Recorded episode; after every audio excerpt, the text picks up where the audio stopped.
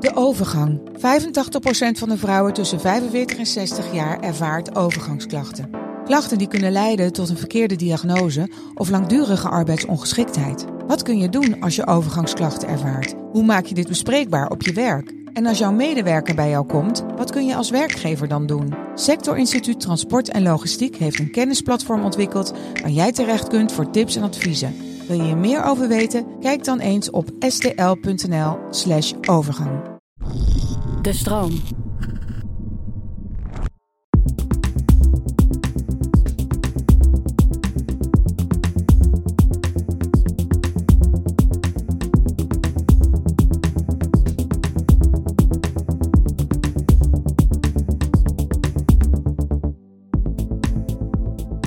Fijn dat je luistert naar de Podcast Psycholoog. Een podcast waarin ik, Marissa van der Sluis, samen met andere psychologen in gesprek ga over belangrijke onderwerpen.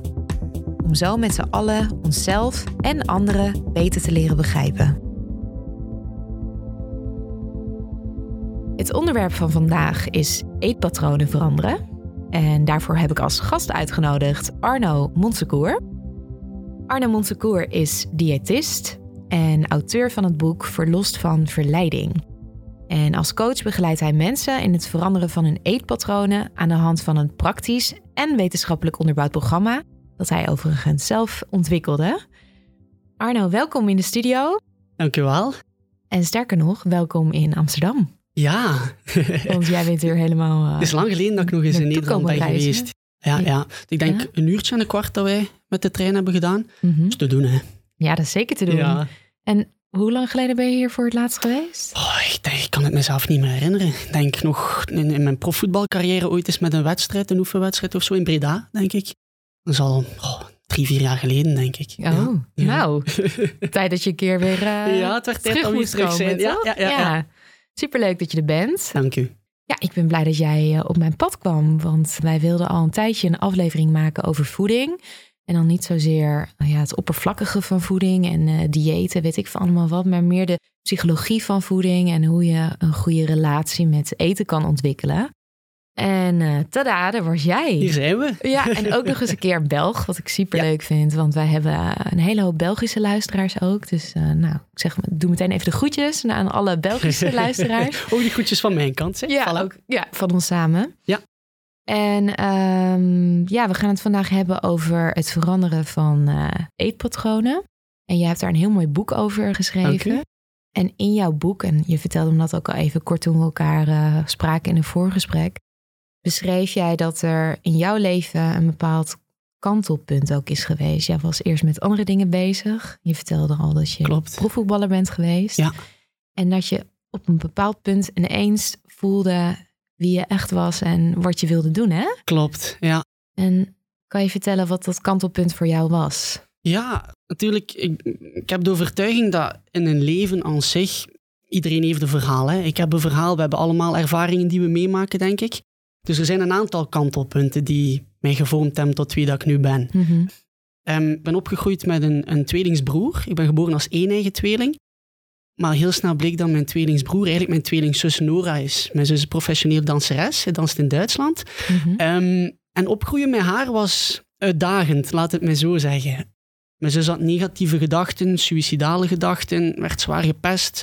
Heeft letterlijk moeten vechten voor wie dat ze is. En letterlijk moeten vechten ook voor haar leven op een bepaald moment. Um, ze had een bepaalde identiteit die niet klopt met het fysieke. En, en dat werd, heel, allee, werd op jonge leeftijd al heel erg duidelijk. Dat was vanaf dat ze kon praten. Dus dat is niet iets dat je uiteindelijk um, een keuze voor maakt. Dat is wie dat je bent. Mm -hmm. En ja, opgroeien met haar was niet zo makkelijk. Dat heeft veel uitdaging met zich meegebracht. En op een bepaald moment kwam er bij mij een klik. Uh, ik denk dat ik 18 jaar was. Veel complicaties gebeurd bij de operatie, de geslachtsoperatie. Ze komt op intensieve zorgen terecht en ik zie mijn zus liggen en ze heeft gevochten altijd en vandaag nog om te zijn wie dat ze is. Mm -hmm. En ik was altijd het verlegen, timide jongetje dat mij wat afzijdig hield omdat ik voor haar wou zorgen. Je wilde niemand tot last ja, zijn. Klopt. Ja, En op een bepaald moment dacht ik van dit is genoeg geweest. Ik mag er ook zijn. Ik had dat zo'n klein, ik vergelijk dat met een klein vlammetje. Er zat een klein vlammetje in mij dat iets wou doen in deze wereld, iets te delen had, op zoek was naar zichzelf. En ik denk dat dat een van de momenten is dat het ja, ontvlamde. En, en daardoor ben ik op zoek gegaan naar wie ben ik, Mhm. wat wil ik. heeft uiteindelijk ook geleid dat ik gestopt ben met voetballen na het faillissement van de club. En heeft bepaald wat ik nu doe. Dus ja. Dus dat was voor jou echt een duidelijk omslagpunt, waardoor je eindelijk voelde wie je werkelijk was en waar je naartoe wilde. Uh, en dat is mensen begeleiden op het gebied van voeding. Klopt, ja. Want jij kwam er op een gegeven moment achter dat dat veel meer te maken heeft met psychologie. Absoluut. Uh, daarom zit je ook hier, dan ja. wat veel mensen denken. Absoluut. Want wat is eigenlijk de relatie tussen, nou ja, die, jij bent diëtist, diëtist. je hebt diëtiek uh, gestudeerd. Ja. Wat is de relatie tussen diëtiek en psychologie? Ja, die relatie is heel groot en heel nauw. Um, ik herinner mij de keuze die ik maakte toen om diëtist te worden en voeding en dieetkunde te gaan studeren, kwam er uit het feit dat ik een enorm interesse had in het menselijk lichaam. Ja, ik kom uit profvoetbal, dus je bent bezig met je lichaam. Mm -hmm. Maar ik had ook altijd een enorm interesse in hoe ons menselijk mentaal welzijn werkt. En op een bepaald moment, ik studeerde af wat een kwalitatieve opleiding is. Dat is drie jaar studeren, is een bachelor. Dus, dus ik ga ook niet negatief spreken over de opleiding. Er zit heel veel waarde in. Maar er is een groot verschil tussen weten wat te doen en uiteindelijk ook doen wat dat je weet. Ik denk bijvoorbeeld, ik had vorige week een consult met Nathalie. En die zei, ja Arno, ik weet dat ik op vrijdagavond die zak chips niet moet leeg eten. Maar ik zit naar Netflix, allee, te Netflixen. En op een bepaald moment overvalt mij dat. En ja, ik, ik weet wat te doen maar kom niet tot het laten of het minderen. Mm -hmm. En ik denk dat iets heel menselijk is. En ik probeer op zoek te gaan van, oké, okay, wat zijn de obstakels tussen het weten en mm -hmm. het effectieve doen? En psychologie speelt daar een heel grote rol in. Mm -hmm. En dat gaat dus veel verder dan alleen maar het volgen van een bepaald dieet, hè, wat veel ja. mensen doen. Uh, maar ik ben wel benieuwd, jij bent profvoetballer geweest. Ja. Heb, je, heb jij wel eens een dieet gevolgd? Ik heb verschillende diëten gevolgd. Ja, uh, hoe was dat? Ja, dat was met een andere insteek. Hè. Heel veel mensen, de meeste mensen allemaal eigenlijk, begeleid ik naar gewichtsverlies. Mijn um, dieetgeschiedenis gaat hoofdzakelijk van hoe kan ik mijn vetpercentage op peil houden om prestaties te leveren. Ik heb twee jaar en een half glutenvrij gegeten. Ik heb intermittent fasting gedaan. Ik heb uh, keto ook een tijdje gevolgd. Allemaal in functie van, oké, okay, wat is de beste manier om uiteindelijk tot die prestaties te komen? Mijn conclusie is, is dat er niet één manier is dat werkt voor iedereen. En nee. ik probeer op zoek te gaan wat werkt voor de persoon die voor mij zit. Um, heel vaak als je kijkt naar... Een, iemand bevindt zich op een bepaalde situatie altijd. Ofwel is hij te, ontevreden over een bepaald cijfer op de weegschaal. Ofwel ontevreden over de energie of de conditie dat hij heeft. Of mm -hmm. heeft last van emotioneel eten. Je hebt altijd een bepaalde vertreksituatie. Heel veel mensen hebben doelen. Ja. En ze willen dan naar, van situatie A naar B gaan. Bijvoorbeeld het terug in die broek kunnen, klaar zijn voor een trouwfeest, um, gewoon algemeen gewicht verliezen en een streefgewicht te bereiken. En ze starten heel veel, of heel vaak met motivatie. Van ja, hè, vanaf nu geen snoepen meer, geen koeken meer. Aan zich is er niets met die bedoeling mis. Mm-hmm. Of er is niets mis met de motivatie, er is niets mis met het karakter, er is niets mis met de wilskracht. Maar er zijn wel een aantal obstakels op dat pad waar heel veel mensen niet bewust van zijn. En ik probeer mensen daar bewust van te maken. Ja. Als ergens in, in uw gedachten, ik wil er nu niet te ver over uitweiden, maar als ergens in uw gedachten de overtuiging zit van hey, voedsel verspillen mag niet mm-hmm. en er ligt nog een stuk vlees in de pan, ja, als dat uw overtuiging is dat je gelooft, dan gaat je daar ook actie naar nemen. Het resultaat is, je eet het extra stuk vlees op, je hebt misschien te veel calorieën binnen dat je eigenlijk zou moeten binnen hebben, en dan stel je de vraag, ja, hoe komt het dat ik, ondanks dat ik weet dat ik dat beter niet zou doen, het toch doe? Ja. Wel, dan moeten we een stukje gaan kijken van waar komt die overtuiging, hoe kunnen we dat loswikkelen? En ik denk dat daar een heel, heel grote, heel grote ja, doelstelling ligt. Ja, en heel interessant ook, want ik ben, ik ben zelf psycholoog, maar pas toen ik me in dit onderwerp ging verdiepen, ging ik zelf ook nadenken over mijn eigen overtuigingen, ja. over eten. En toen werd ik daar pas bewust van. En toen begon ik me te beseffen, ja, mijn eetgedrag wordt ook regelmatig beïnvloed door de overtuigingen die ik heb over eten. En bepaalde dingen die ik tegen mezelf zeg om nou, mezelf ja. iets te kunnen toestaan of juist niet. Ja. Um, dus ja, deze podcast moet denk ik ook vooral gaan over het bewustzijn van je, hè, van je denkpatronen en je, en je gedragspatronen. Zodat je bewust leert kiezen. Dat, dat is ook jouw Vooral dat. doel. Hè? Bewust leren ja. kiezen voor een gezond eetpatroon. Of gewoon be, uh, bewust genieten. Klopt. Maar niet jezelf volproppen. Hè, want jij hebt, dat, jij hebt ook wel eens een periode gehad... waarin jij ook niet bewust met eten Ja, absoluut. Omging, en, en, en Een heel recent voorbeeld bijvoorbeeld. Vroeger in, in de voetbalwereld, als ik profvoetballer was, had ik ook vaak last van emotioneel eten. Kwam ik thuis van een voetbalmatch en begon ik pizza's te gaan halen om zowel bij nederlaag als overwinning, als een soort ontlading. Mhm. Maar ook een, een patroon wat ik onlangs heb gemerkt. En mijn mama heeft twee weken geleden helaas de diagnose gehad van borstkanker. Och. En ik voelde bepaalde patronen terugkomen. En ik voelde dat ik terug, ondanks ik heel goed weet wat dat werkt voor mijn lichaam en welke doelstellingen ik heb. Ik, ik train bijvoorbeeld voor een triathlon en ik heb heel duidelijke doelen daarin. Ik voelde terug van, hé, hey, ik kom precies terug in een patroon van vroeger met de voetbal. Dat ik Mhm. een soort comfort zoek in voeding. Ik probeer mijn eigen strategie natuurlijk dan toe te passen en je houdt er controle over. Maar inderdaad, het is, het is een stukje die bewustwording terug van hey, even terug Ja, die pad of, dat, of die weg opgaan en daar terug controle over krijgen. ja. ja, want we gaan eh, dit allemaal bespreken aan de hand van een stappenplan dat Ja. jij eh, hebt opgesteld. En ik vond het zelf eh, heel helder en praktisch. En nou ja, zoals ik eerder ook al zei, gebaseerd op wetenschappelijk onderzoek. Daar, daar hou ik van. Ik ook. Ehm, kun je uitleggen wat, wat, even kort benoemen wat de stappen zijn? En dan gaan we gewoon even beginnen bij eh, stap 1. Ja, ik denk de allerbelangrijkste stap is mindset. Mhm. Ik gebruik het woord mindset, maar eigenlijk komt het neer op, de, op psychologie en, en ons denkpatroon. Tweede stap is gewoonteverandering, omdat het uiteindelijk onze acties bepaalt. Derde stap is ga bewust om met voeding. En, en het gaat niet over nooit meer, maar het gaat over bewust. Vierde stap is hoe ga ik om met mijn omgeving. En de vijfde stap is hoe kom ik terug vanuit ehm, ja, tegenslagen, waar we het daarnet over hadden. Ja, en we gaan dus beginnen met eh, mindset. En dat is eigenlijk dus de psychologie. Klopt. En daarin gaan we veel meer kijken naar onszelf. En waarom is dat eigenlijk de eerste stap? Waarom Mm. moet dat de eerste stap zijn? Daarnet sprak ik hè, van, van de situatie A en je wilt naar de situatie B gaan. In, in mijn ervaring, en dat kan anders zijn voor anderen, maar in mijn ervaring, wat ik zie, hetgeen wat de, het grootste obstakel is wat mensen tegenhouden, is het verhaal dat je vertelt ten opzichte van jezelf. Dus de gedachten, de overtuigingen, zoals ik het voorbeeld gaf met het vlees in de pan. Daarnaast is energie ook belangrijk. Nu, energie is een beetje de overkoepelende term, want ons denken uiteindelijk is ook energie, maar uiteindelijk het algemeen energieniveau fysiek, of iemand comfortabel zit in de job, comfortabel zit in een, in een relatie bijvoorbeeld, comfortabel zit in wat dan ook, ja, dat bepaalt hoe dat je eet en hoe dat je leeft. Dus het is heel belangrijk denk ik om naar die twee te kijken, zowel naar de psychologie, wat voor mij 80% is, en 20% naar de strategie. En als ik mensen kan helpen dichter te komen bij zichzelf, dat ze een beeld krijgen van oké, wie ben ik echt?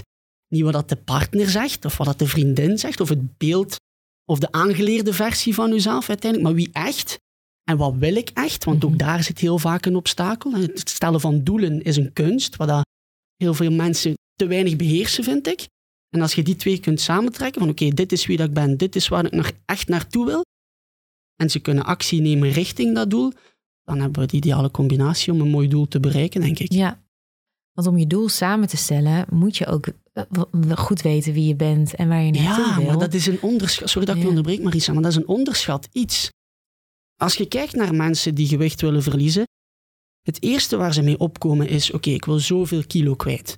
Of ik wil in die jurk kunnen of in die broek kunnen tegen dat trouwfeest bijvoorbeeld. Dus je hebt heel veel goede doelen, maar oppervlakkige ja, doelen. oppervlakkig, ja. En heel vaak ook, en dat is een term die ik ehm, van een, een bevriende psychologe ehm, ook had, had ehm, meegekregen. Ze zei, heel veel mensen leven in de imaginaire ik. Ik wil het niet te verwarrend maken met wat we straks ook gaan, gaan bespreken, denk ik, maar de imaginaire, imaginaire ik wil zeggen dat je een doel stelt dat eigenlijk totaal niet bij je past. Waar dat je geen gevoel bij hebt, nee, maar ja. ook niet past met de omstandigheden die op tafel liggen in je leven. Een, een, een, vrouw bijvoorbeeld, Nancy, die zei: Ik wil even slank zijn als mijn vriendin. Maar wat dan Nancy niet beseft, is dat die vriendin één, tien jaar jonger is, nog geen twee kinderen op de wereld heeft gezet en geen fulltime job heeft. Dus datzelfde doel nastreven, Mhm. ja, je moet je de vraag stellen, is dat iets wat haalbaar is? Want een doel dat niet haalbaar is, is in mijn ogen geen doel. Dat is een droom. Er is niets mis mee, maar dat gaat niet tot die actie leiden die ervoor nodig is. Nee. Dat doen veel mensen, denk ik. En ik, dat heb, ik zelf ook zeker gedaan. maar, maar ik vast ook. Het is ja. menselijk, hè? Ja, Maar, maar het is een vaststelling, laat me zo het is zeggen. een hoop. Maar als je maar weet hoe je dat doel dus beter kan, kan gaan stellen. En daar beginnen we dus ook mee. Ja. En met dat stappenplan.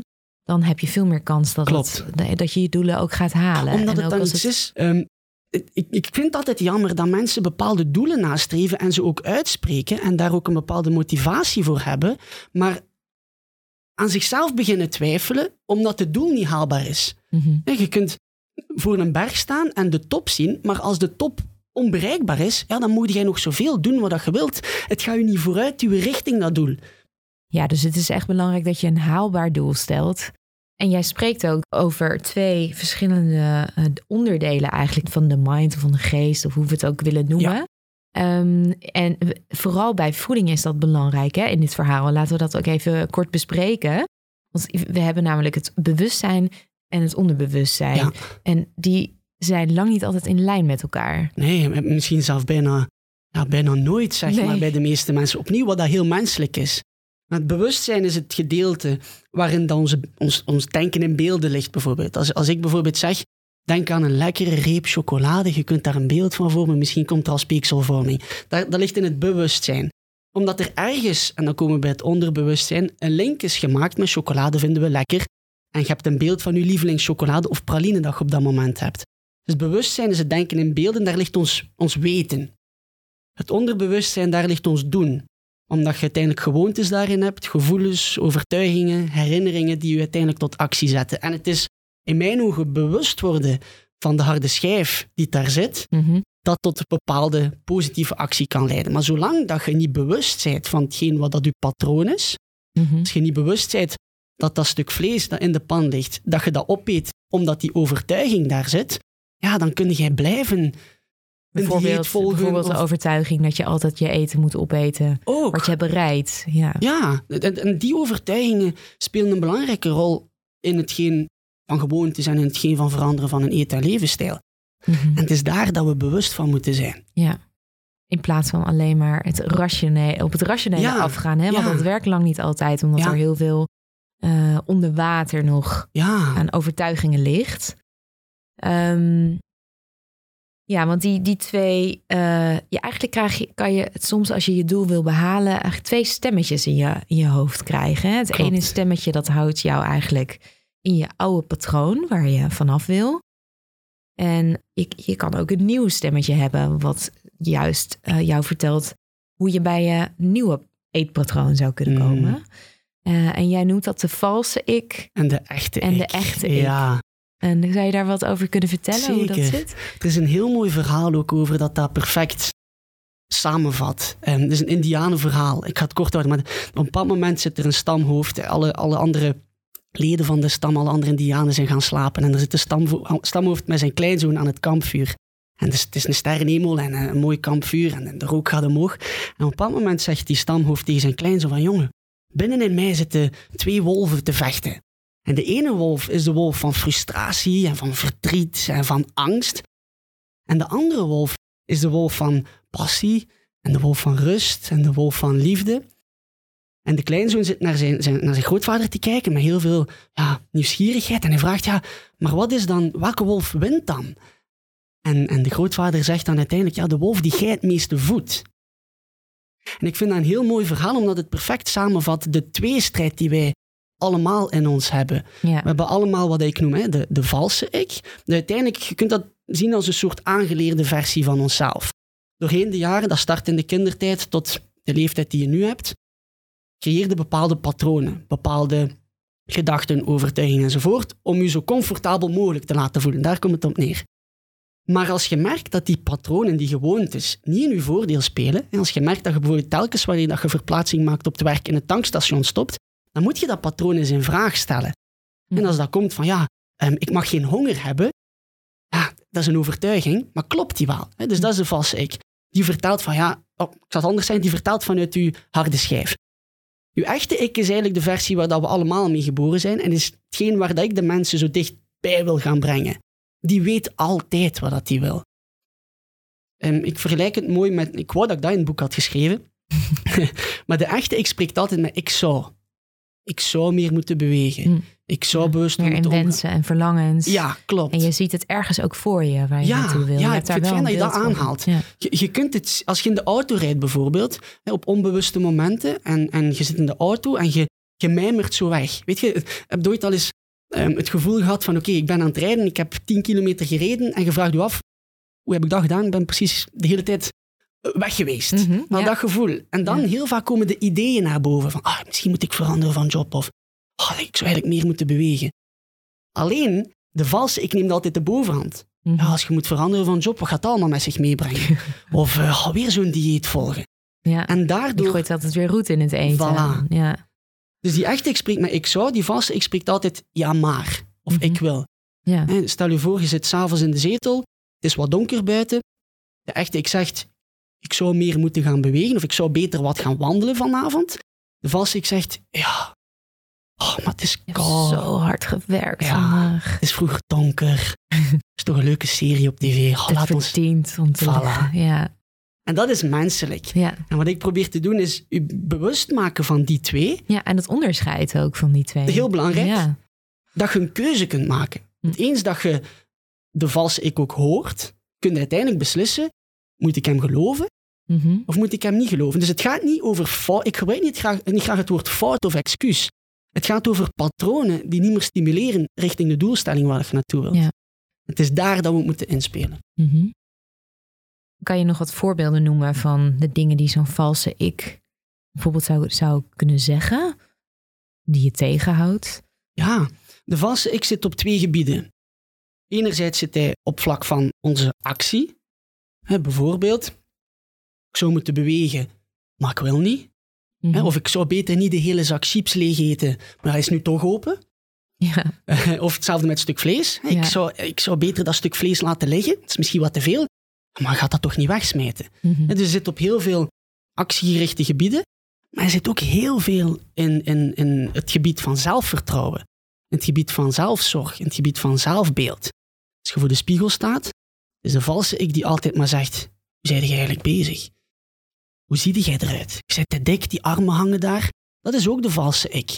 Dat is een, een soort overbezorgde moeder. Ja, heel bestraffend Ja. kan die valse ik je ook toespreken, waardoor je eigenlijk helemaal wordt lamgeslagen Ja. en helemaal niks meer gaat doen. Dus Klopt. ergens is het wel bedoeld als goed, er, ja, in de kern, om je, ja, om je te helpen, maar het werkt niet, omdat Voilà. het veel te streng is. Klopt. En, En hij is er ook altijd. Hij gaat nooit verdwijnen. Ik zie heel veel mensen vechten tegen die valse ik. Mhm. En dat zien we in mensen die diëten volgen en die alleen maar op karakter en op wilskracht een bepaald doel proberen bereiken. Het is altijd van, ik ben niet sterk genoeg. Het lukt mij niet. Eh, het gaat mij nooit lukken. Ik geloof het niet. Maar dat is niet de manier hoe dat je de strijd met de valse ik gaat aangaan. Tuurlijk heb je wilskracht nodig, tuurlijk heb je discipline nodig. Maar je hebt nieuwsgierigheid nodig ten opzichte van jezelf, zonder te oordelen. Dus ik vind altijd, eh, als we, als we dat stukje ook een stuk kunnen bewandelen, body positivity bijvoorbeeld, zelfzorg, zelfbeeld, superbelangrijk. Maar het werkt in twee richtingen. De valse ik hoeft niet weg. Nee. Negativiteit hoeft niet weg. Je moogt eerlijk zijn met jezelf, vind ik. Als je in de spiegel kijkt en je bent ontevreden, moet, moet je kunnen zeggen van, oké, ik ben hier ontevreden mee, maar je moet daar ook een positieve weeg Ja, of, of, gewicht ja, tegenhangen. Ja, en je moet realistisch naar jezelf kunnen kijken. Ja. En daar horen dus ook de positieve dingen bij. Maar ook dat je jezelf af en toe een, ik noem dat altijd, liefdevolle schop onder je kont kunt, kunt geven. Als dat, ja, als dat Ja. nodig is. En ehm, dan is de kans ook veel groter dat je eh, zo'n doel gaat, eh, gaat behalen. Ja, het is gelijk, eh, stel dat je, en misschien de luisteraars zullen misschien kinderen hebben. Stel dat je een kind hebt en je wilt dat die betere resultaten haalt op school. Maar je zit altijd bezig van, hé hey jongen, hoe zit jij bezig? Kom aan, je huiswerk is weer niet klaar. En wat? Een vijf, dat is niet goed genoeg. Kom aan, hey, sukkeltje of wat dan ook. Eh, Het kind gaat niet gemotiveerd zijn om de volgende dag op school beter zijn best te doen. Pas op, er zijn ook mensen die dat gebruiken als een bepaalde kracht, maar dat is de minderheid. Ja. Maar als je kunt zeggen van, oké, geen goede cijfers, hè? De eerlijkheid, geen goede cijfers. Maar kom aan, laten we misschien samen daarmee aan de slag gaan. Ik weet dat je het kunt. En op gewichtsverlies is dat hetzelfde. Oké, is een slechte dag, eerlijk zijn met jezelf, maar morgen is een nieuwe dag. Ja. En ik denk dat dat heel belangrijk is. Dus de bemoedigende toon Yes. helpt om Ja. ook je dat zelfvertrouwen te, eh, te geven, om, Ja. eh, om het te laten lukken. En eh, vaak spreken we onszelf niet zo toe, hè? Vooral mensen die aan het diëten zijn, daar, Mhm. daarvan merk je dat die valse ik vaak. Ach, Overheerst. goed. Ja. Ehm, en heb je daar tips voor om ja, om, je te zelfvertrouwen te ver- en, en de manier waarop je tegen jezelf praat ook eh, Ja, te- zeker. te verbeteren. Ik, ben aan het denken of ik dat concreet kan maken. Het grootste wapen tegen de valse ik is bewustwording. Zoals ik al vaker zei, nieuwsgierigheid, maar zonder te oordelen. Luisteren naar die valse ik en een vraag stellen. Klopt dat wel? Hoef ik dat stuk vlees op te eten? Wat ook een andere vraag kan zijn is, helpt dit mij of helpt dit mij niet? De Mhm. manier hoe dat ik spreek tegen mezelf in de spiegel, stimuleert mij dat richting mijn doelstelling of houdt mij dit tegen? En dan moet je eerlijk kunnen kijken. Ja. Als het u niet stimuleert en je hebt het recht om altijd maar negatief tegen jezelf te praten, dan heb je ook het recht om eens te kijken hoe kan ik positiever tegen mezelf beginnen communiceren. Dus de eerste tip is die vraagstelling. Ja. Tweede tip, om de valse ik het zwijgen op te leggen, moet je een stukje de echte ik naar boven krijgen, dat die meer gewicht krijgt. In mijn ogen, ik kan daarin verkeerd zijn, maar wat dat voor mij heeft gewerkt en voor andere mensen ook, is dat zelfvertrouwen komt van de actie die je neemt, ondanks de argumenten van de valse ik. Er Dus die laat je als het ware even langs je heen gaan en toch ga je Ja, op je doel af. hè, want als je kijkt naar mensen die gewicht willen verliezen, heel veel mensen hebben al ontzettend veel diëten achter de rug. Mhm. Dus ergens is het heel menselijk dat de valse ik aanhaalt. Allee, gaan we weer met iets beginnen? Oh, dat gaat weer geld kosten. En hoe lang gaat het dat volhouden? Hij heeft bewijzen uit het verleden om dat aan te halen. Je moet nieuwe bewijzen gaan creëren. Mhm. En dat doe je door die echte ik naar boven te gaan, het geloof in jezelf aan te sterken, maar dat komt voort uit de actie die je neemt. Zelfvertrouwen, in mijn ogen, komt niet voort door naar jezelf in de spiegel te kijken Nee. en te zeggen: hey, hey, fantastisch dat je er bent, high five. Als je dat niet voelt, nee. je moet het voelen. Je, je Ja. kunt jezelf niet voorliegen. En daarvoor moet je eerst iets doen. En pas als je ervaart hè, dat, het jou dat lukt. het je lukt, dan krijg je daar meer zelfvertrouwen van. Ik denk wel dat het goed is om af en toe je aandacht heel specifiek te richten op succeservaringen, ook Ja. in het verleden. Want vaak laat je die helemaal buiten beschouwing. Kan De je cookie jar. allerlei... Ja, ja, vertel. Ja, maar in het boek wordt, er, wordt ik denk naar het einde toe, een, een principe omschreven dat ik van een, een eh, David Goggins heb gelezen. Dat is een Navy SEAL. Eh, Een beetje qua, qua psychologie erover, hij is heel extreem. Maar het principe is wel heel mooi. De cookie jar wil zeggen dat je een bepaalde pot hebt met koekjes. En de koekjes zijn een soort metafoor voor positieve herinneringen. Telkens wanneer dat je die negative self-talk voelt opkomen, denken aan een positieve gebeurtenis waarin dat het je wel gelukt is in het verleden, kan tot een rustgevoel leiden. Ja. Rust zorgt ervoor dat je minder stress op je lichaam zet en op je gedachten zet Mhm. en dat je uiteindelijk een bewuste actie neemt. Ja, dat vind ik een heel mooie metafoor. Een hele goede oefening ook om Ja, te doen. misschien een voorbeeldje daarbij ook. Als iemand ehm, niet durft naar eh, de sportschool gaan. Jullie in Nederland zeggen de sportschool, hè? Wij zeggen, wij zeggen fitness. Oh, naar de fitness of ja, naar dat de wordt ook gym. gezegd. Ja. Ja, ja, Ja, dus iemand, iemand gebruikt. heeft schrik om, om naar de sportschool te gaan voor de reacties. De valse ik zegt, ja, maar iedereen gaat naar u kijken. En, en, en je zit te dik en al die andere mensen zijn zo sportief. En, dus die, je hoort die hele tijd in overdrive gaan. Maar als je kunt terugdenken aan een situatie waarbij dat je ondanks die gedachten toch je blootgesteld hebt in een open ruimte waar dat je oncomfortabel in voelde, als je dat naar boven kunt halen, halen, ja. bijvoorbeeld een, een seminar dat je gevolgd hebt en je hebt je op de eerste rij gezet, ondanks alles rondom jou, hè, en ook ondanks die valse ik die zo luid spreekt, als je daaraan terugdenkt in die situatie met de sportschool, dan gaat je vertrouwen beginnen krijgen en gaat de actie nemen. En hoe meer dat je dat doet, hoe meer dat dat op je harde schijf komt en je echte ik weet, ah, we menen het serieus. Ja. En de valse ik ga minder argumenten krijgen, daar komt het op neer. Wil jij nou weten hoe je aan de hand van vier korte stappen weerstand kunt bieden aan jouw valse ik?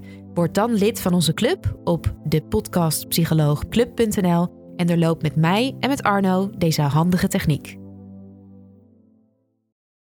En dit maakt weer duidelijk hoe belangrijk die psychologie daarachter is, hè? achter het veranderen van je eetpatroon. Maar dat is natuurlijk niet alleen genoeg, het, het stellen van een doel eh, en, en dan maar gaan beginnen, want je, je hebt ook een, een plan nodig. Klopt. Wat, eh, wat kan je daarover zeggen? Ja, eh, dus alles start, als we terugkeren naar wat we eerder zeiden, alles start met een duidelijke doelstelling die haalbaar is. Zodat je uiteindelijk in de actie gezet wordt.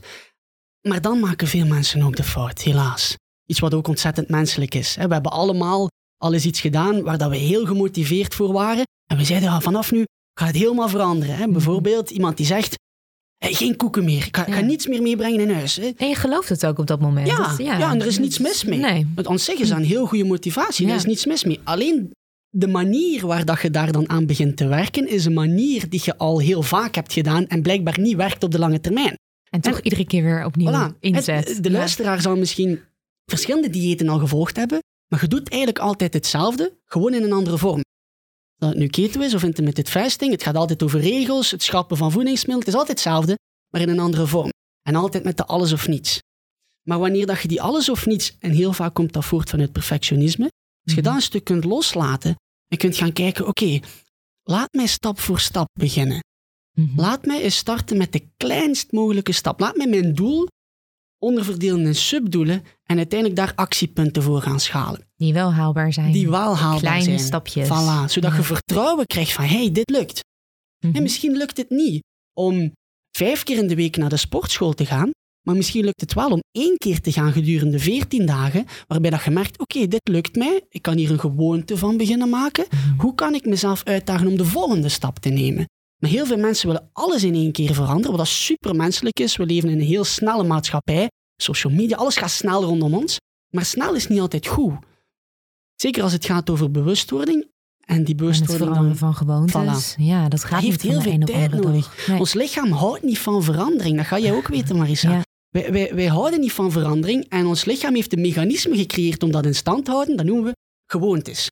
Dus gewoontes maakt het comfortabel voor ons. Maar wanneer dat je merkt van oké, die gewoontes spelen niet in mijn voordeel, dan moet je ze niet direct gaan veranderen, want dat brengt het lichaam in een te groot discomfort. Paniek, ja. Ja, oh nee, vijf keer in de week gaan sporten.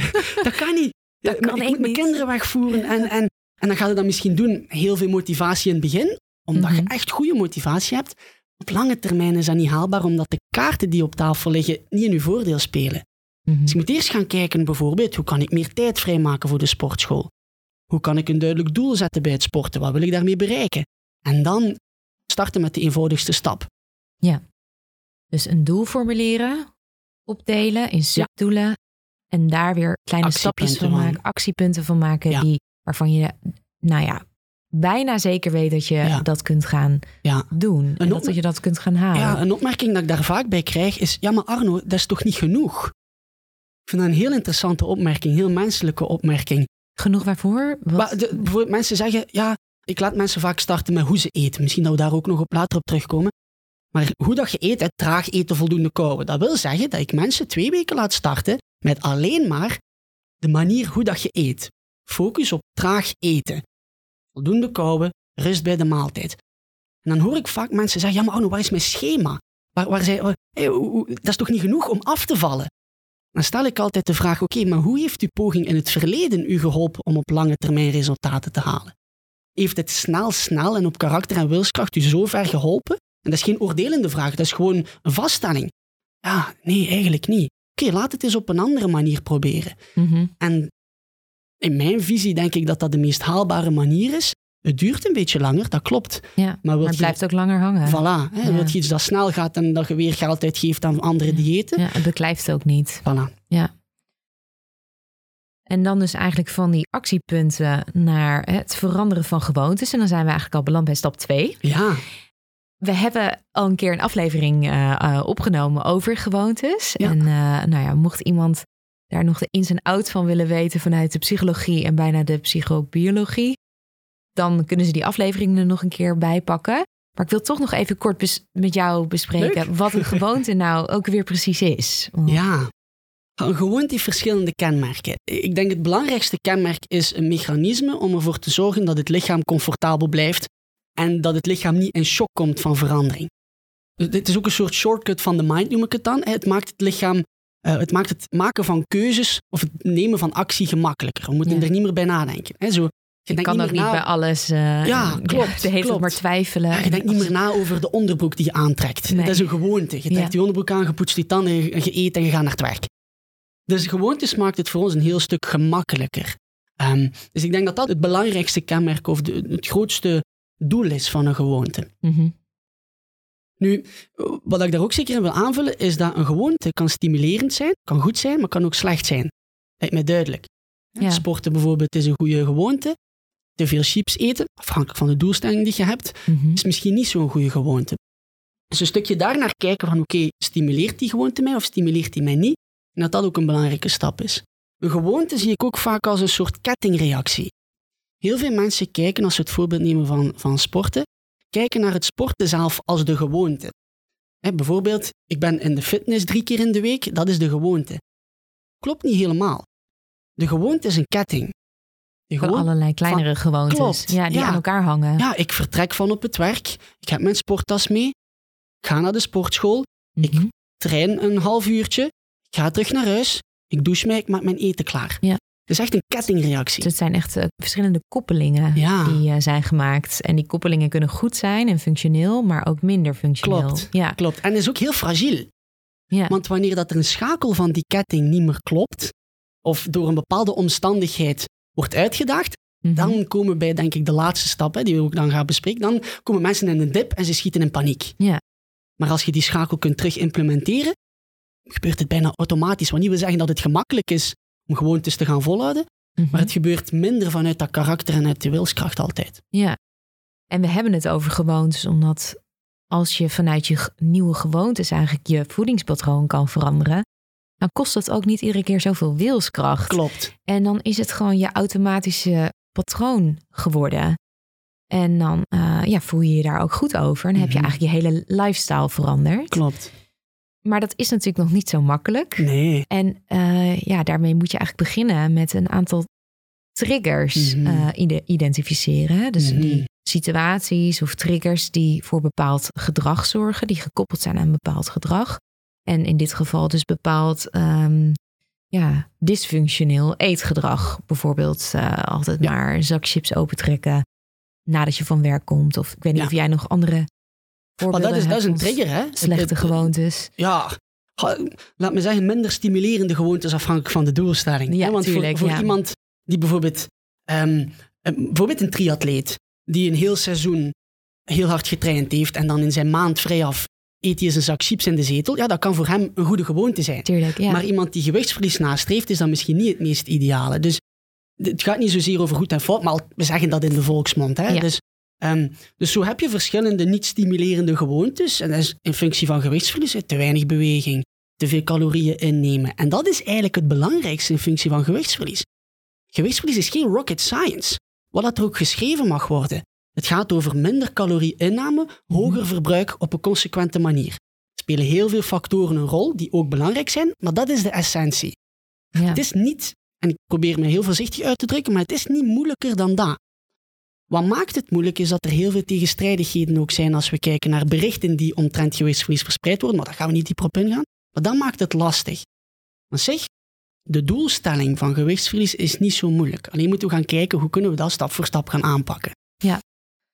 En dan is het dus belangrijk om in te zoomen op je eigen gewoontes. Ja. Wat zijn nou zulke triggers? Dat is een goede vraag, omdat er heel veel zijn. Ja, dan kan je een aantal dingen opnoemen. Zeker. Een aantal soorten triggers. Zeker. Ehm, er zijn altijd triggers waar dat je een invloed op kunt hebben en triggers waar dat je geen invloed op kunt hebben, in mijn ogen, dat je alleen mee kunt omgaan. Er Mhm. zijn triggers die je kunt vermijden, er zijn triggers waar dat je mee kunt omgaan. Triggers die je kunt vermijden bijvoorbeeld, zijn er denk ik vijf en ik hoop dat ik ze allemaal nog kan opnoemen. Het eerste is een plaats. Ik let goed op. Het eerste is een plaats. Bijvoorbeeld Uh-huh. het werk en de, de koffietafel die er staat met de lekkere gebakjes. Oh ja, ja, heel herkenbaar. Yes, kan een trigger zijn om daar naartoe te gaan. Iets dat menselijk is, maar dat is een trigger. Het kan ook een gevoel zijn. Stel dat je, dat je vastzit in het werk of je hebt relationele problemen, of het hoeft daarom niet extreem te zijn. Gevoel die gewoon is minder. Ja, Kan een trigger zijn om tot stress. stress. Ja, Ja. Veel mensen eten uit stress. absoluut. absoluut. Ik ben wel echt een stresseter. Kijk. Ja. ja, als ik me goed voel, dan eh, heb ik nergens last van. Maar Ja, als ik me ja. gestrest voel, dan denk ik, oh, als ik dan eet, voel ik me vol en beter en Ja. veiliger op een bepaalde manier. Ja, het geeft een gevoel van, van zekerheid, een gevoel van controle. Mhm. Dus, dus dat is de tweede trigger. eh, Ja. Of de twee, ja, tweede trigger, het gevoel. Dus we hebben plaats, we hebben gevoel. Het derde, wat dat ook kan, en dat is soms lastig, is het kan ook een persoon zijn. Stel dat je s'avonds op de bank zit en je partner zit een zak chips te eten, terwijl dat je een gezonde levensstijl wil nastreven. Ja. Ja, niet zo ideaal. En dat gebeurt voornamelijk als je verschillende doelen hebt. Ja. De ander heeft helemaal niet het doel om eh, wat Nee. gewicht te verliezen. en vaak, als jij hè? dat wel Ja. hebt, ja, dat is hartstikke moeilijk als je met Klopt. diegene samenwoont. Klopt. Ja, je je- kunt, leer je dan een- maar eens beheersen en aan je plan houden. Het is een niet vermijdbare trigger. hè. In die zin, je kunt moeilijk je partner buiten shotten. Omdat die... Allebei even in een andere kamer zitten. Ja, dat gaat ook niet. Maar daar wel mee kunnen omgaan natuurlijk, is, Ja. is de boodschap. Dus Ja. dat is de derde. Ehm, ook een sociale situatie is heel vaak een trigger. Kan een feest zijn, eh, kan een receptie zijn bijvoorbeeld. En het laatste is een gedachte. Een gedachte kan ook een trigger zijn. Dan hebben we het bijvoorbeeld, ligt heel nauw samen bij gevoel, Mhm. maar dan hebben we het bijvoorbeeld over ik ben niet goed genoeg, Ja. of het lukt me niet, of Vaak negatieve, Negatieve gedachten, dus gedachten, die ja. dan waarschijnlijk ook weer een negatief gevoel oproepen. ja, want daar gaat het dan. Je hebt die vijf triggers en uiteindelijk leiden die tot een oncomfortabel gevoel. Dus wat doet ons, ons denkpatroon, ons lichaam dan? Eten. Ja, die zegt van, hey, dit kan niet, dit moet zo snel mogelijk weg. Dus die gaat op zoek in die harde schijf, in ons onderbewustzijn, zo pakken we alles een beetje samen, in ons onderbewustzijn naar, oké, wat zit er in die harde schijf dat mij kan helpen om dat oncomfortabel gevoel weg te werken? En onmiddellijk. En dus. onmiddellijk. Ja. Ja, fijn dat je Ja. dat aanvult. En onmiddellijk, heel snel. In dit geval, heel veel mensen die eten dan. Dat geeft een tijdelijk oefgevoel.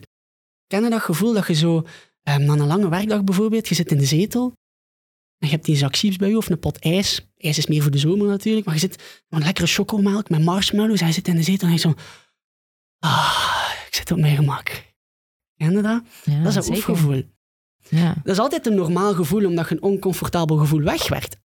Alleen heel vaak als mensen dan gaan kijken naar die reactie die ze gebruikt hebben om die trigger op te vangen, ja, als je merkt dat je dan gewicht bijkomt op de weegschaal of dat je eh, eh, uitgeput zit als je de trap naar boven gaat, dan merk je ja, die visieuze cirkel waar dat ik in Ja. zit, is niet zo ideaal. Over een situatie als trigger gesproken. Er komen wel eens vrienden bij mij eten en dan eh, koop ik een reep chocola. En daar beginnen we dan aan die avond. En ik begrijp niet dat er mensen zijn die dan die reep kunnen wegleggen en daar dan vervolgens niks meer van eten. Ik eet dan gewoon, als, zodra het bezoek weg is, die hele reep alleen op, achter elkaar. Ik, ik heb dan ook van die gedachten daarover. Van ja, ehm, en dat, dan spreekt misschien mijn valse ik hoor, dat weet ik ook niet. Maar ehm, nou, eet het nu maar op. Want dan kan je Mhm. morgen meer met een schone lijn beginnen. Ja, dat is valse ik. Ja. Ja, je kunt En na gedachte in vraag afloop stellen. voel ik me natuurlijk heel slecht over. Want ik ga dat dan heel snel opeten. Ik geniet er helemaal niet van. Ja, en ik weet niet eens hoeveel je dan wegwerkt eh, zo'n bij zo'n hele reep. Maar behoorlijk wat. Ja. Eh, ja, ik, ik vind dat zo wonderlijk hoe dat gaat. En is bij jou stress dan de grootste trigger? Ja, ik krijg dan denk ik stress dat het daar ligt. En dat ik het ga opeten. Ja. En dan denk ik, kan ik het beter nu helemaal wegwerken. En dan Ja. morgen gezond Dus doen. stress en het feit dat het daar ligt, Ja. dat zijn de triggers. Ja. Het is goed dat je daar bewust van bent. Dat is altijd Ja. de eerste stap. Hè. Wat zijn mijn triggers? Dan heb je natuurlijk die reactie, wat dat voeding is dan op dat moment. Maar je moet weten, misschien dat we daar later ook op terugkomen, maar je moet weten dat bewerkte voedingsmiddelen, als het gaat over snoep, chocola, chips, zijn gemaakt om onweerstaanbaar te zijn. ja. Dus je moet sterke strategieën hebben om dat te gaan ja, weerstaan, zeg maar. Het gaat niet altijd over weerstaan of over nooit meer. Dat te gaan minderen, laat ik Ja. eerder zo zeggen. Ja, dat ik er zelf controle over heb of ik dat op dat moment wil. Maar dat heb ik niet. Want voor mijn gevoel roept die reep mij vanuit mijn kast. Mhm. En nou ja, daar, daar ben ik wel heel benieuwd naar hoe je daar dan Hoe dat je eh, dat kan mee oplossen kan gaan. Ja, Ja. want dat is wel Maar het- mijn trigger. Het ligt er. ja, het ligt er. Maar Ja, Het is een beetje afhankelijk van, van doelstelling tot doelstelling. Hè? Want eh, je kunt eens een reep chocolade eten en daarna eh, niet meer bijvoorbeeld voor de hele week. Of dat het jou niet zoveel triggert. Dat is geen ramp als je eens een reep chocolade eet. Maar als het een terugkerend patroon wordt, waar je ongelukkig van wordt of je niet helpt bij je doelstelling, dan kun je het gaan veranderen. Er zijn verschillende tips en tricks, denk ik, dat je hierbij kan aanhalen. Het eerste wat ik denk ik aan zitten denken, is een voor de meest voor de hand liggende tips en, eh, tip die ik kan geven, is haal het niet in huis. Ja. En mensen zijn dat altijd doe ik gelukkig ook bijna ja, niet. maar daar Nee, is ook ja. heel veel valse ik aan getriggerd. Mensen zeggen dan, ja, maar ik moet toch iets hebben voor de visite die komt. Ah, ja. Of ik moet toch iets hebben voor mijn kinderen. En dan de eerlijkheid opnieuw, moet je de vraag stellen, ja, maar wie eet er het vaakst van? Mhm. Zijn dat de kinderen? Is dat de visite of ben jij dat? ja. En als je merkt van, oh, misschien ben ik dat wel het vaakst, het niet in huis brengen wil zeggen dat het niet in jouw omgeving ligt. En Dus de triggerplaats valt dan weg. ja, dus je vermijdt de trigger. hè? Vermijd Dat is een manier om, ja. er, om, eh, om ermee om te gaan. Nu, dat gaat niet altijd werken. Want soms stopt je in de winkel. Ik heb eh, Julie bijvoorbeeld, die, die stopte letterlijk in de nachtwinkel om een zak chips te halen. Ook al had ze het niet in huis, ze reed er expres om en nam het in huis om het te kunnen opeten. Dus dat lukt niet altijd. Dus je moet meerdere strategieën hebben. Mhm. En experimenteren met die strategieën is denk ik de beste oplossing. Ja, maar het niet meer in huis halen, dat is eh, één goede manier. Dus het Ja. vermijden van het trigger. Een tweede waar ik ook aan zit te denken, als ik dat mag doen, Marissa, is, Ja, is ehm, het traag opeten, traag en bewust opeten. Ah ja, Die voedingsmiddelen zijn gemaakt om snel naar binnen te werken. Het smelt in de mond en je moet er weinig op kouwen. Kijk naar chips, kijk naar ijs, kijk naar eh, eh, Smarties, dat soort toestanden, koeken. Ze zijn allemaal gemaakt om te smelten in de mond en weinig kouwen vereist. Ja. Dus dat, dat weet je je, hebt het op ene nog niet weggeslikt of je begint al Voilà. je volgende hap. Dus Ja. daarom dat de voedingsindustrie is sluw. Zij willen meer gaan verkopen, niet ons per se gezonder maken. Dat, dat, is, dat is duidelijk. Wat niet wil zeggen dat je nooit meer een koek mocht eten of nooit meer snoepen mocht eten, maar dat is de strategie daarin. Wat dan logisch is, het zijn ook bedrijven. Zij willen eigenlijk dat je de controle verliest. Klopt, want dan ga jij meer eten, Ja. meer kopen, zij maken meer winst. De volgende keer, Marisa, als je terug met die chocolade in je handen zit, denk eens aan het feit van oké, ik mag het, het kan, Ja, maar denk aan het feit, ik ga het gewoon heel traag en bewust opeten.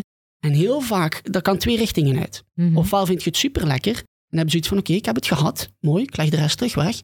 Ofwel heb je zoiets van: eigenlijk smaakt dat heel zoet en, en een beetje chemisch en krijg je een soort ehm, gezonde afkeur naar een bepaald voedingsmiddel. ja. dus echt eh, je aandacht richten op al je zintuigen terwijl Ja. je aan het eten Ja. bent en, je, en daar ook vragen bij stellen. Zonder in te overdrijven. Ja. Omdat er is ook een heel grote strekking rond mindfulness eten, waar heel veel goede principes in zijn.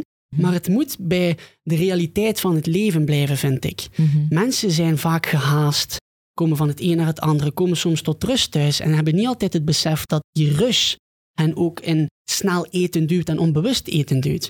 Dus het moet niet een soort hocus-pocus iets worden. Het moet heel duidelijk een concrete strategie zijn van oké, als ik het neem, eet ik het traag op. Wat niet wil zeggen dat je, pas op, als dat kan helpen, prima. Maar wat niet wil zeggen dat je stukjes moet snijden op tafel en daar stukje per stukje van eten aan tafel, terwijl het de rest in de, in de, op de bank zit. Dat hoeft niet per se. Nee. Dat is misschien een stapje te ver van de realiteit van het leven, in mijn ogen. Ja, moet ook wel haalbaar blijven. Klopt, Ja. Want over dat traag eten, ik, ik heb dat toevallig eh, van de week ook geprobeerd. Ja, hoe ging het? Ja, dat, dat ging verrassend goed. Want ik, ik eh, eet altijd best wel snel. Ja. En eh, dan merk ik na afloop dat ik helemaal niet echt heb genoten ervan. Wat ik heb Ja. gemaakt. Dat is eigenlijk ook Jammer, hè? puur ja, zonde. Dus ik heb dat geprobeerd. En vooral de tip om ehm, na elke hap je bestek eens even terug te leggen. vond ik heel goed. Want ik merkte dat ik daardoor veel ehm, meer aan het genieten was van mijn eigen eten. Ja. Alleen dat moet ook een nieuwe gewoonte Ja. worden. Want eh, toen ik een paar dagen daarna weer eh, twee uur had getraind en ik kwam moe thuis. Toen zette ik gewoon de tv aan en ging ik achter de tv eten. En verviel ik weer in mijn oude Dat is patroon. een heel Dus mooi dat- voorbeeld. ja. En dat brengt de psychologie heel mooi samen met de strategie. Je kunt weten dat je traag moet eten tijdens je maaltijd, maar dan kijken we naar de psychologie. Hoe komt het dat je gehaast thuis komt, wat eigenlijk menselijk is, maar wat zijn de triggers daarin? Welke overtuiging heb je daarover? Misschien, dat is voor veel mensen zo, en in, speciaal eh, veel vrouwen, hè, tijd nemen voor mezelf is luxe. Dus die agenda zit bomvol. Daar naar kijken en dan gaan kijken wat zijn de overtuigingen daarin dat dat gedrag in stand houdt. Dat is stap 1 dan kun je de strategie toepassen. Ik vertel aan zich qua strategie niet veel nieuwe dingen. Maar ik wel vaak opmerkingen van krijg van ah, dat is belangrijk en dat is een mooi inzicht en dat is nieuw. Gaat over die gedrags- en gewoonteverandering. Ja. De strategieën om gewicht te verliezen zijn universeel. Traag eten, voldoende kouwen, verzadigingsgevoel aanspreken, controle krijgen over je hongergevoel, hoeveelheden minderen, verbruik verhogen. Het is geen rocket science, hè? Nee. Want dat traag eten, dat gaat er dus ook om dat je sneller een gevoel van verzadiging eh, Klopt, bereikt. ja. En eh, anders dan wanneer je snel eet, dan eet je veel meer. Terwijl je lichaam kan nog niet eens. eh, Maar ons, ons verzadigingshormoon leptine heeft tijd nodig om zijn werk te kunnen doen. We Mhm. hebben een verzadigingshormoon leptine, we hebben een hongerhormoon ghreline. Traag eten of tijd nemen voor je eten zorgt ervoor dat die leptine, dat die communicatie daar is tussen, tussen hersenen en uiteindelijk ook ons maag-darmsysteem. En dat we uiteindelijk een stukje verzadiging kunnen voelen. Nou, eh, nu ik dit weer hoor, ga ik toch proberen mijn gewoonte van langzamer proberen te eten vol te houden. En dan, ja, dit, dit zijn dus de gewoontes, eh, eh, de triggers en eh, hoe je daarmee om kunt gaan met Ja. deze triggers. En dan hebben we stap drie. En dat gaat over het bewuste omgaan met voeding. Ja. Ehm, dan is het als eerste belangrijk om, om jezelf te bedenken hoe je eet. Hè? ja, klopt. En, en waarom is dat belangrijk? Wel, om, eh, we hebben een aantal dingetjes of, of ehm, onderwerpen al aangehaald in ons gesprek, wat dat fijn is. Ik denk dat er een aantal elementen zijn die we daarin nog kunnen bespreken. Hoe dat je eet is heel belangrijk in functie van verzadiging en in functie van bewustwording hoe dat je met eten omgaat. Heel veel mensen zijn in de eerste instantie altijd maar gefocust op wat mag ik eten, Ja, wat, wat mag ik eten? niet meer Ja, eten. ja. Wat dan logisch en menselijk is, want dat is hetgeen hoe dat je het vroeger hebt aangeleerd op vlak van gewichtsverlies. Maar het is niet meest stimulerend op lange termijn. Dus heel vaak werk ik altijd eerst van, oké, hoe eet je? Heb je afleiding? Zit je aan tafel? Zit je op de bank? Is... Dus je gaat dat eerst in kaart brengen. Ja, dus dat is voor mensen zelf ook handig om, om dat te gaan, te gaan bedenken Absoluut. en misschien op te schrijven. Ja, absoluut. En die vragen kunt je stellen van, oké, hoe eet ik eigenlijk? Ja, Ben ik daar bewust mee bezig? Of is dat achter de bureau en, en ben ik aan het tokkelen op de computer? Dat is denk ik altijd de eerste stap. Om daarna te kunnen gaan kijken naar hoeveel eet ik. En dan pas komt wat eet ik aan, de bod, aan bod. eh, althans, in, in hoe dat ik met mensen werk. Mhm. Ehm, omdat die bewustwording gewoon zo belangrijk is. Mhm. En om je wat bewuster te zijn van de manier waarop je eet, heb jij eh, een aantal tips, Ja. geloof ik. Ja, Zou je daar een paar we, van we maken het graag geven? concreet. Hè? Ja, dus dus heel sowieso, graag. er zijn tips om traag en bewust te gaan eten. Eerst heb je zelf al aangehaald, denk ik. Ehm, bestek neerleggen na elke hap. Spiegelen aan de traagste eter aan tafel is ook een hele leuke. Mijn vriendin is iemand die trager eet als mij en ik probeer mij toch vaak te spiegelen. Maar met kinderen is dat ook leuk, want die zitten altijd zo ja, te voeteren. te en- doen ja, ja. tussendoor ook. Dus dat hoeft niet in het extreme te gaan of in het perfecte te gaan, maar het is het principe. Ehm, water drinken tussendoor kan ook helpen. Is dat, eh, mag dat wel? Want ik Afhankelijk van situatie dat tot dat situatie. Hè? Ja, eh, het kan wel. Het kan zeker wel. Ehm, eh, wat dat ervoor kan zorgen, en dat is waar- waarom dat we het gebruiken, is dat je rustig wordt tijdens je maaltijd. Omdat je ergens, je hebt verschillende patronen. Normaal is het eten, eten, eten, maar nu heb je eten, even iets doen. Eh, iets anders doen, het drinken. En kan ook zo'n stukje voor meer verzadiging zorgen, omdat je uiteindelijk de maag een stukje extra vult. Mhm. Dus dat is, dat is één leukje daarin. Ja. Ehm, wat ook een hele leuke is, en dat was een onderzoek dat ik onlangs ook gezien had, de rol van muziek bij ehm, het rustig eten. Oh, Blijkt dat, leuk. pas op, er moet Oh. meer onderzoek naar gebeuren. en het is ook niet allesomvattend. Hè. Het- het- je moet niet de hele tijd naar, eh, naar weet ik wie luisteren tijdens Bach. de maaltijd, bijvoorbeeld. maar wat dat ze wel hebben gezien, is dat rustige muziek, of muziek waar je van houdt, dat aan een lager tempo is, voor de maaltijd, dat het jou een stuk rustiger kan maken tijdens de maaltijd. En als je rustiger bent tijdens de maaltijd, ga je bewuster Ga je gaan rustig, eten. ja, Voilà. rustiger eten Ja. waarschijnlijk. Dus, ook. dus, en dat is een beetje een algemene tip ook, denk ik. Rust zoeken net voor de maaltijd.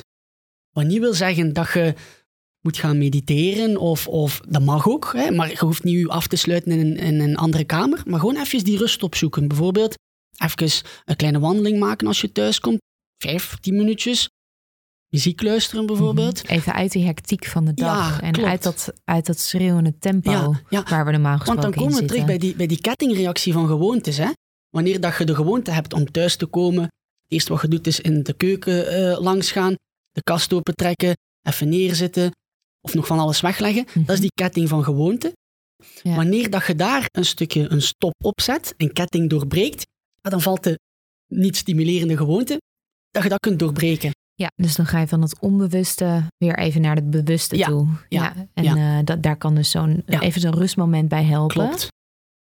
En eh, dan is het natuurlijk ook belangrijk om te kijken naar wat je eet. Ja. Ehm, en ja, daarin zijn vooral de bewerkte voedingsmiddelen.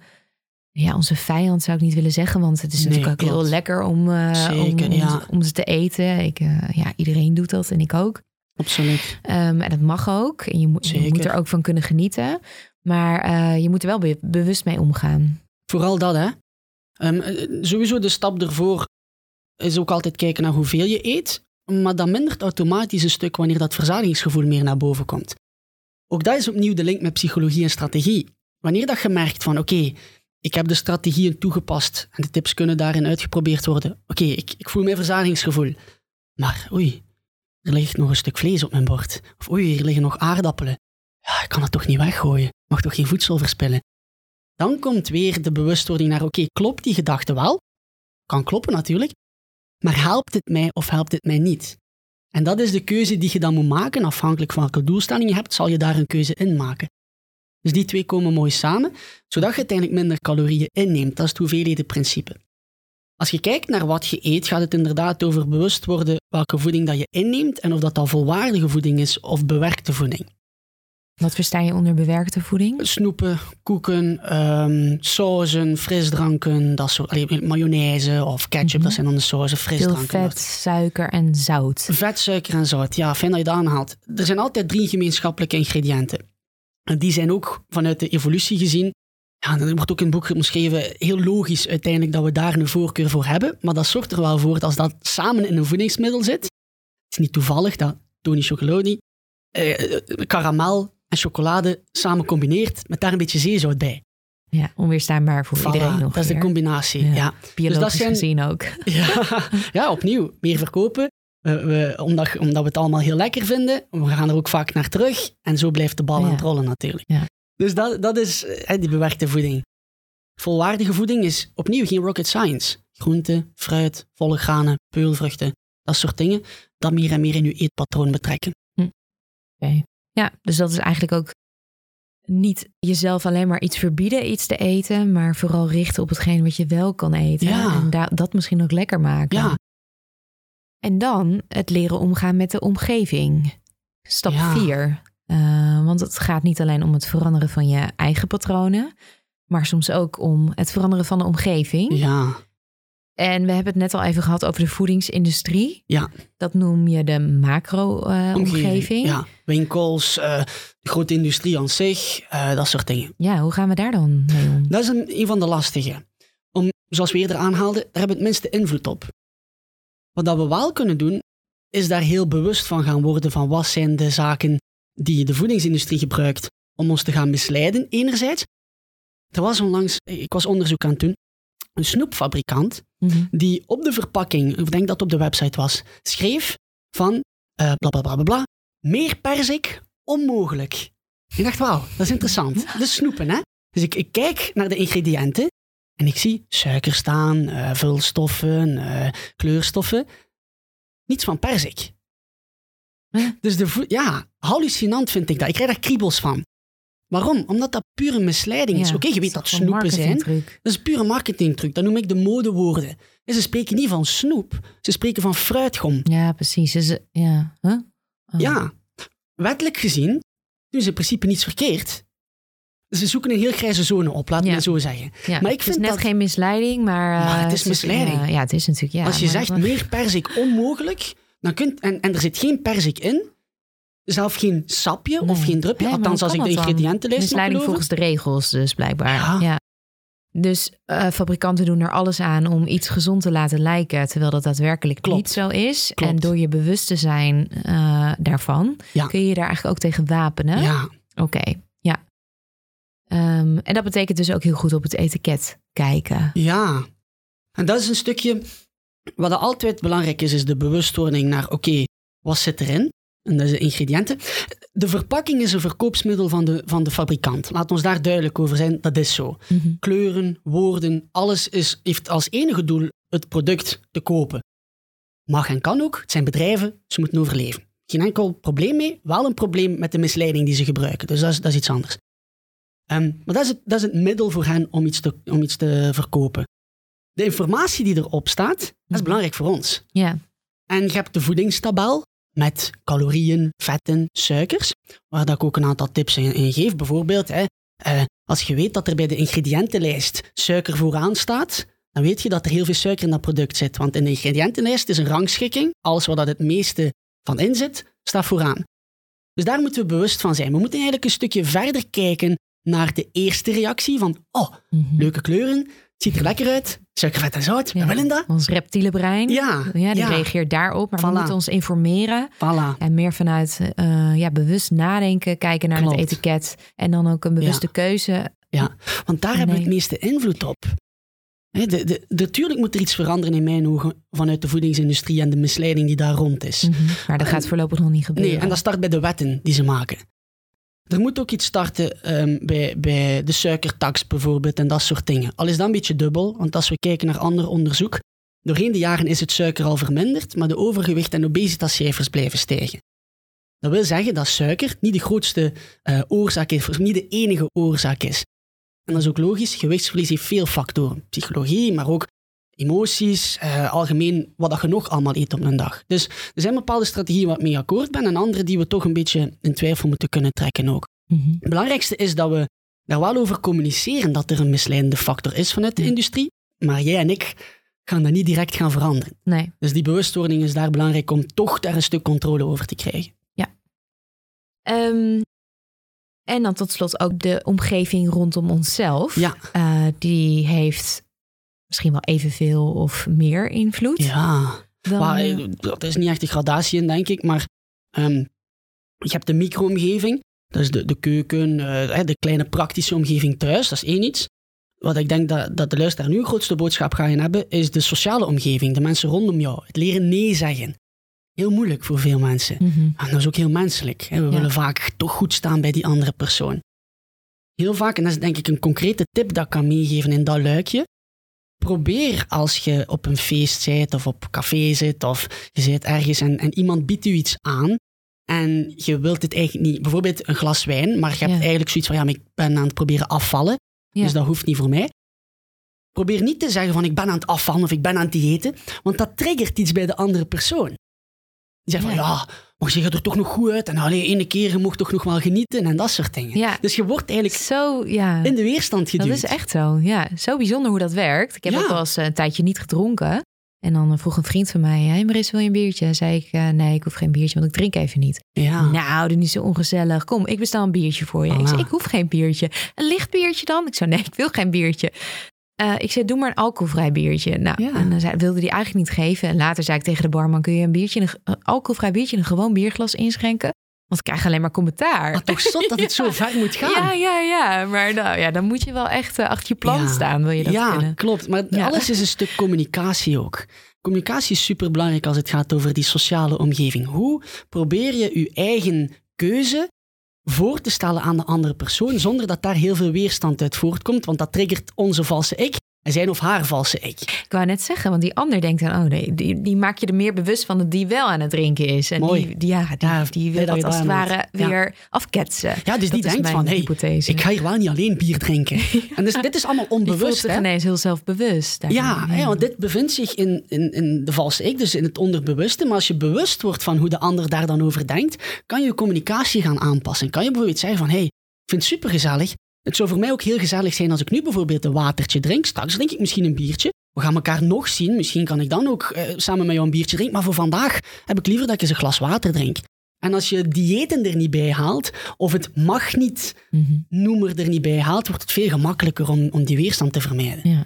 Van, oh lekker, en ik, eh, Ja, ik sla deze even over. Maar, bijvoorbeeld. eh, nou ja, volgende keer wel weer. Bijvoorbeeld. Ja. Ja, je moet er echt een beetje omheen navigeren. Hè? Of zeggen dat je medicatie neemt. Dat kan ook. Medicatie? Ja, eh, als je bijvoorbeeld op de medicatie zit waarin staat van kijk, ik wil, eh, of je mocht geen alcohol drinken bij Oh, deze zo. medicatie. Ja, Ja. kan ook als een smoesje gebruikt worden. Dat je zegt van ik neem medicatie. Dat gaat wel ver. Maar het kan wel. Gaat ver, Ja. maar een ander Is, tipje. eh, ja, iedereen mag voor zichzelf bepalen of hij dit gaat Voilà. toepassen. Ja. Eh, en vervolgens eh, de, ja, een hele belangrijke stap, stap 5, Ja. is het voorkomen van terugval. Ja. En dat is natuurlijk waar de meeste mensen uiteindelijk ook spaak lopen. Ja. Je begint met het opstellen van een plan. Je gaat het, je gaat het doen. Het lukt. Je boekt resultaten. Je voelt Ja. je goed over jezelf. Maar dan komt er misschien een ander soort situatie, een tegenslag. Ehm, ja, wat, wat, hoe kan je nou voorkomen dat je terugvalt? Dat is, een, dat is een goede vraag, omdat het ook niet altijd even eenvoudig is. En er zijn verschillende factoren die dat kunnen, kunnen aanleiden. En we hebben er al een aantal dingen over, over besproken. En ik denk hetgeen wat we nog niet aangekaart hebben, is dat een terugval niet meteen slecht hoeft te zijn. Nee. Als alles altijd leuk is en goed gaat en vanuit een bepaalde motivatie komt, dat is fantastisch, dat is leuk. Je ziet dat het gewicht zakt, je ziet dat je controle hebt over je eetgewoonte. Goed. Maar de momenten waar dat je het verschil in kunt maken en echt tot die verandering kunt komen, is wanneer dat je eens met je neus tegen de muur botst. En daar dan gaan kijken, oké, waarom gebeurt dit voor mij in plaats van tegen mij? Wat moet ik hieruit zien? Een soort vogelperspectief gaan Ja, nemen. Je zoomt uit. Ja, je zoomt uit. Ja. en gaan zien van, oh, oké, dit zou ik beter wat veranderen. Of, of dit zou ik beter gaan doen.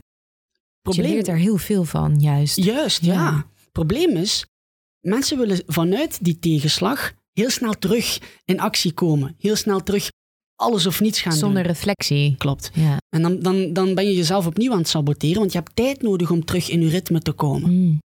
Ja, en, en je moet misschien ook even tijd nemen om te kijken wat er goed ging en wat misschien niet helemaal werkt, om dat Ja. aan te passen in plaats Ja. van weer met hetgene bezig te gaan wat dus niet helemaal werkte voor Ja. je. Ja, stap 1 is de valse ik blokkeren.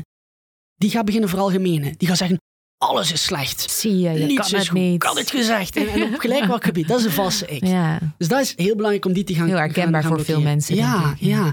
En dan is gaan kijken, oké, dit is een valse ik. Wat zegt de echte ik? Dan gaan kijken, oké, welke actie kan ik nemen om terug in een flow te komen?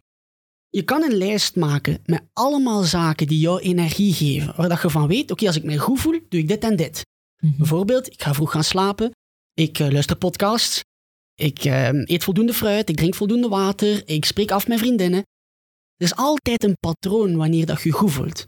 Als je dat oplijst en er is een tegenslag, kun je kijken naar dat patroon en gaan zien, oké, wat doe ik nog?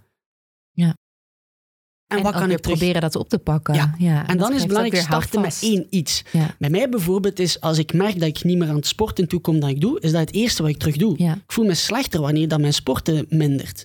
Ja, bij, voor iemand anders is dat slaap of is dat eh, wat dan ook.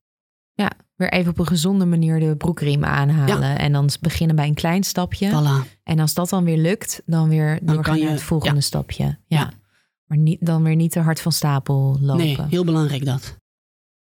Ik zei wel eens als eh, psycholoog en nog steeds wel eens dat het niet per se een terugval is, maar meer een uitglijder waar je weer kan Mooi. van leren. Ja, En dat, ja, Oh, dat klinkt wel weer- woorden zijn zo belangrijk. Ja.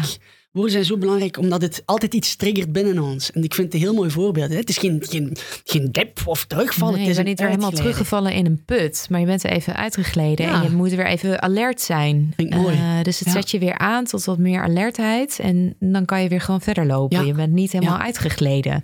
Klopt. Maar er zijn altijd twee typen mensen. Hè. Je hebt mensen die dat kunnen doen. Ja. En die het vanuit dat perspectief kunnen bekijken. En het even kunnen uitzoomen.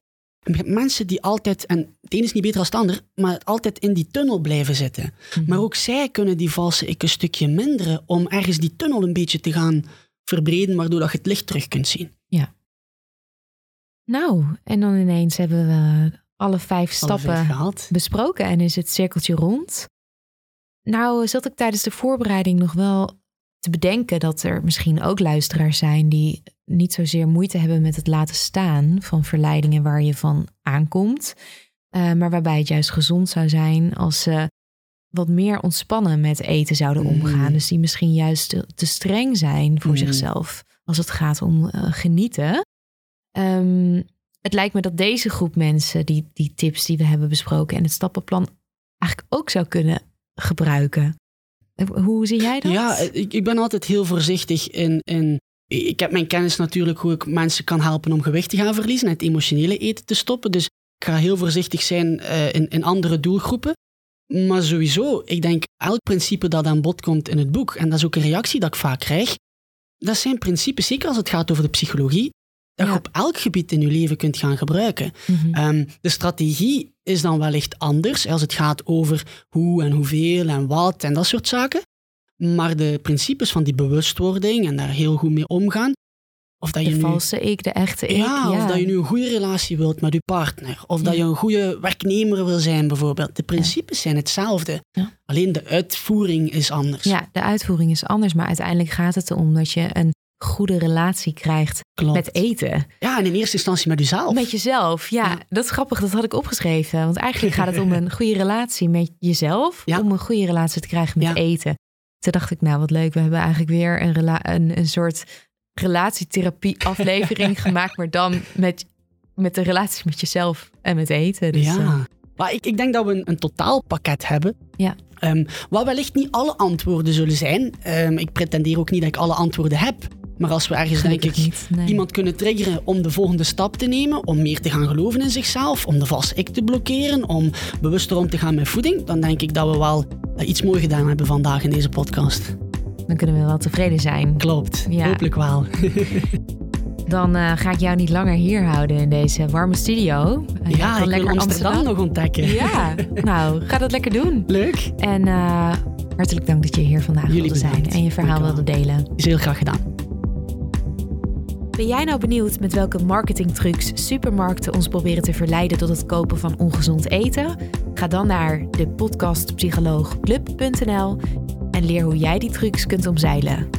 Bovendien wacht je daar een bodyscan oefening, ingesproken door Arno zelf, om zo een moment van rust te creëren voor het avondeten.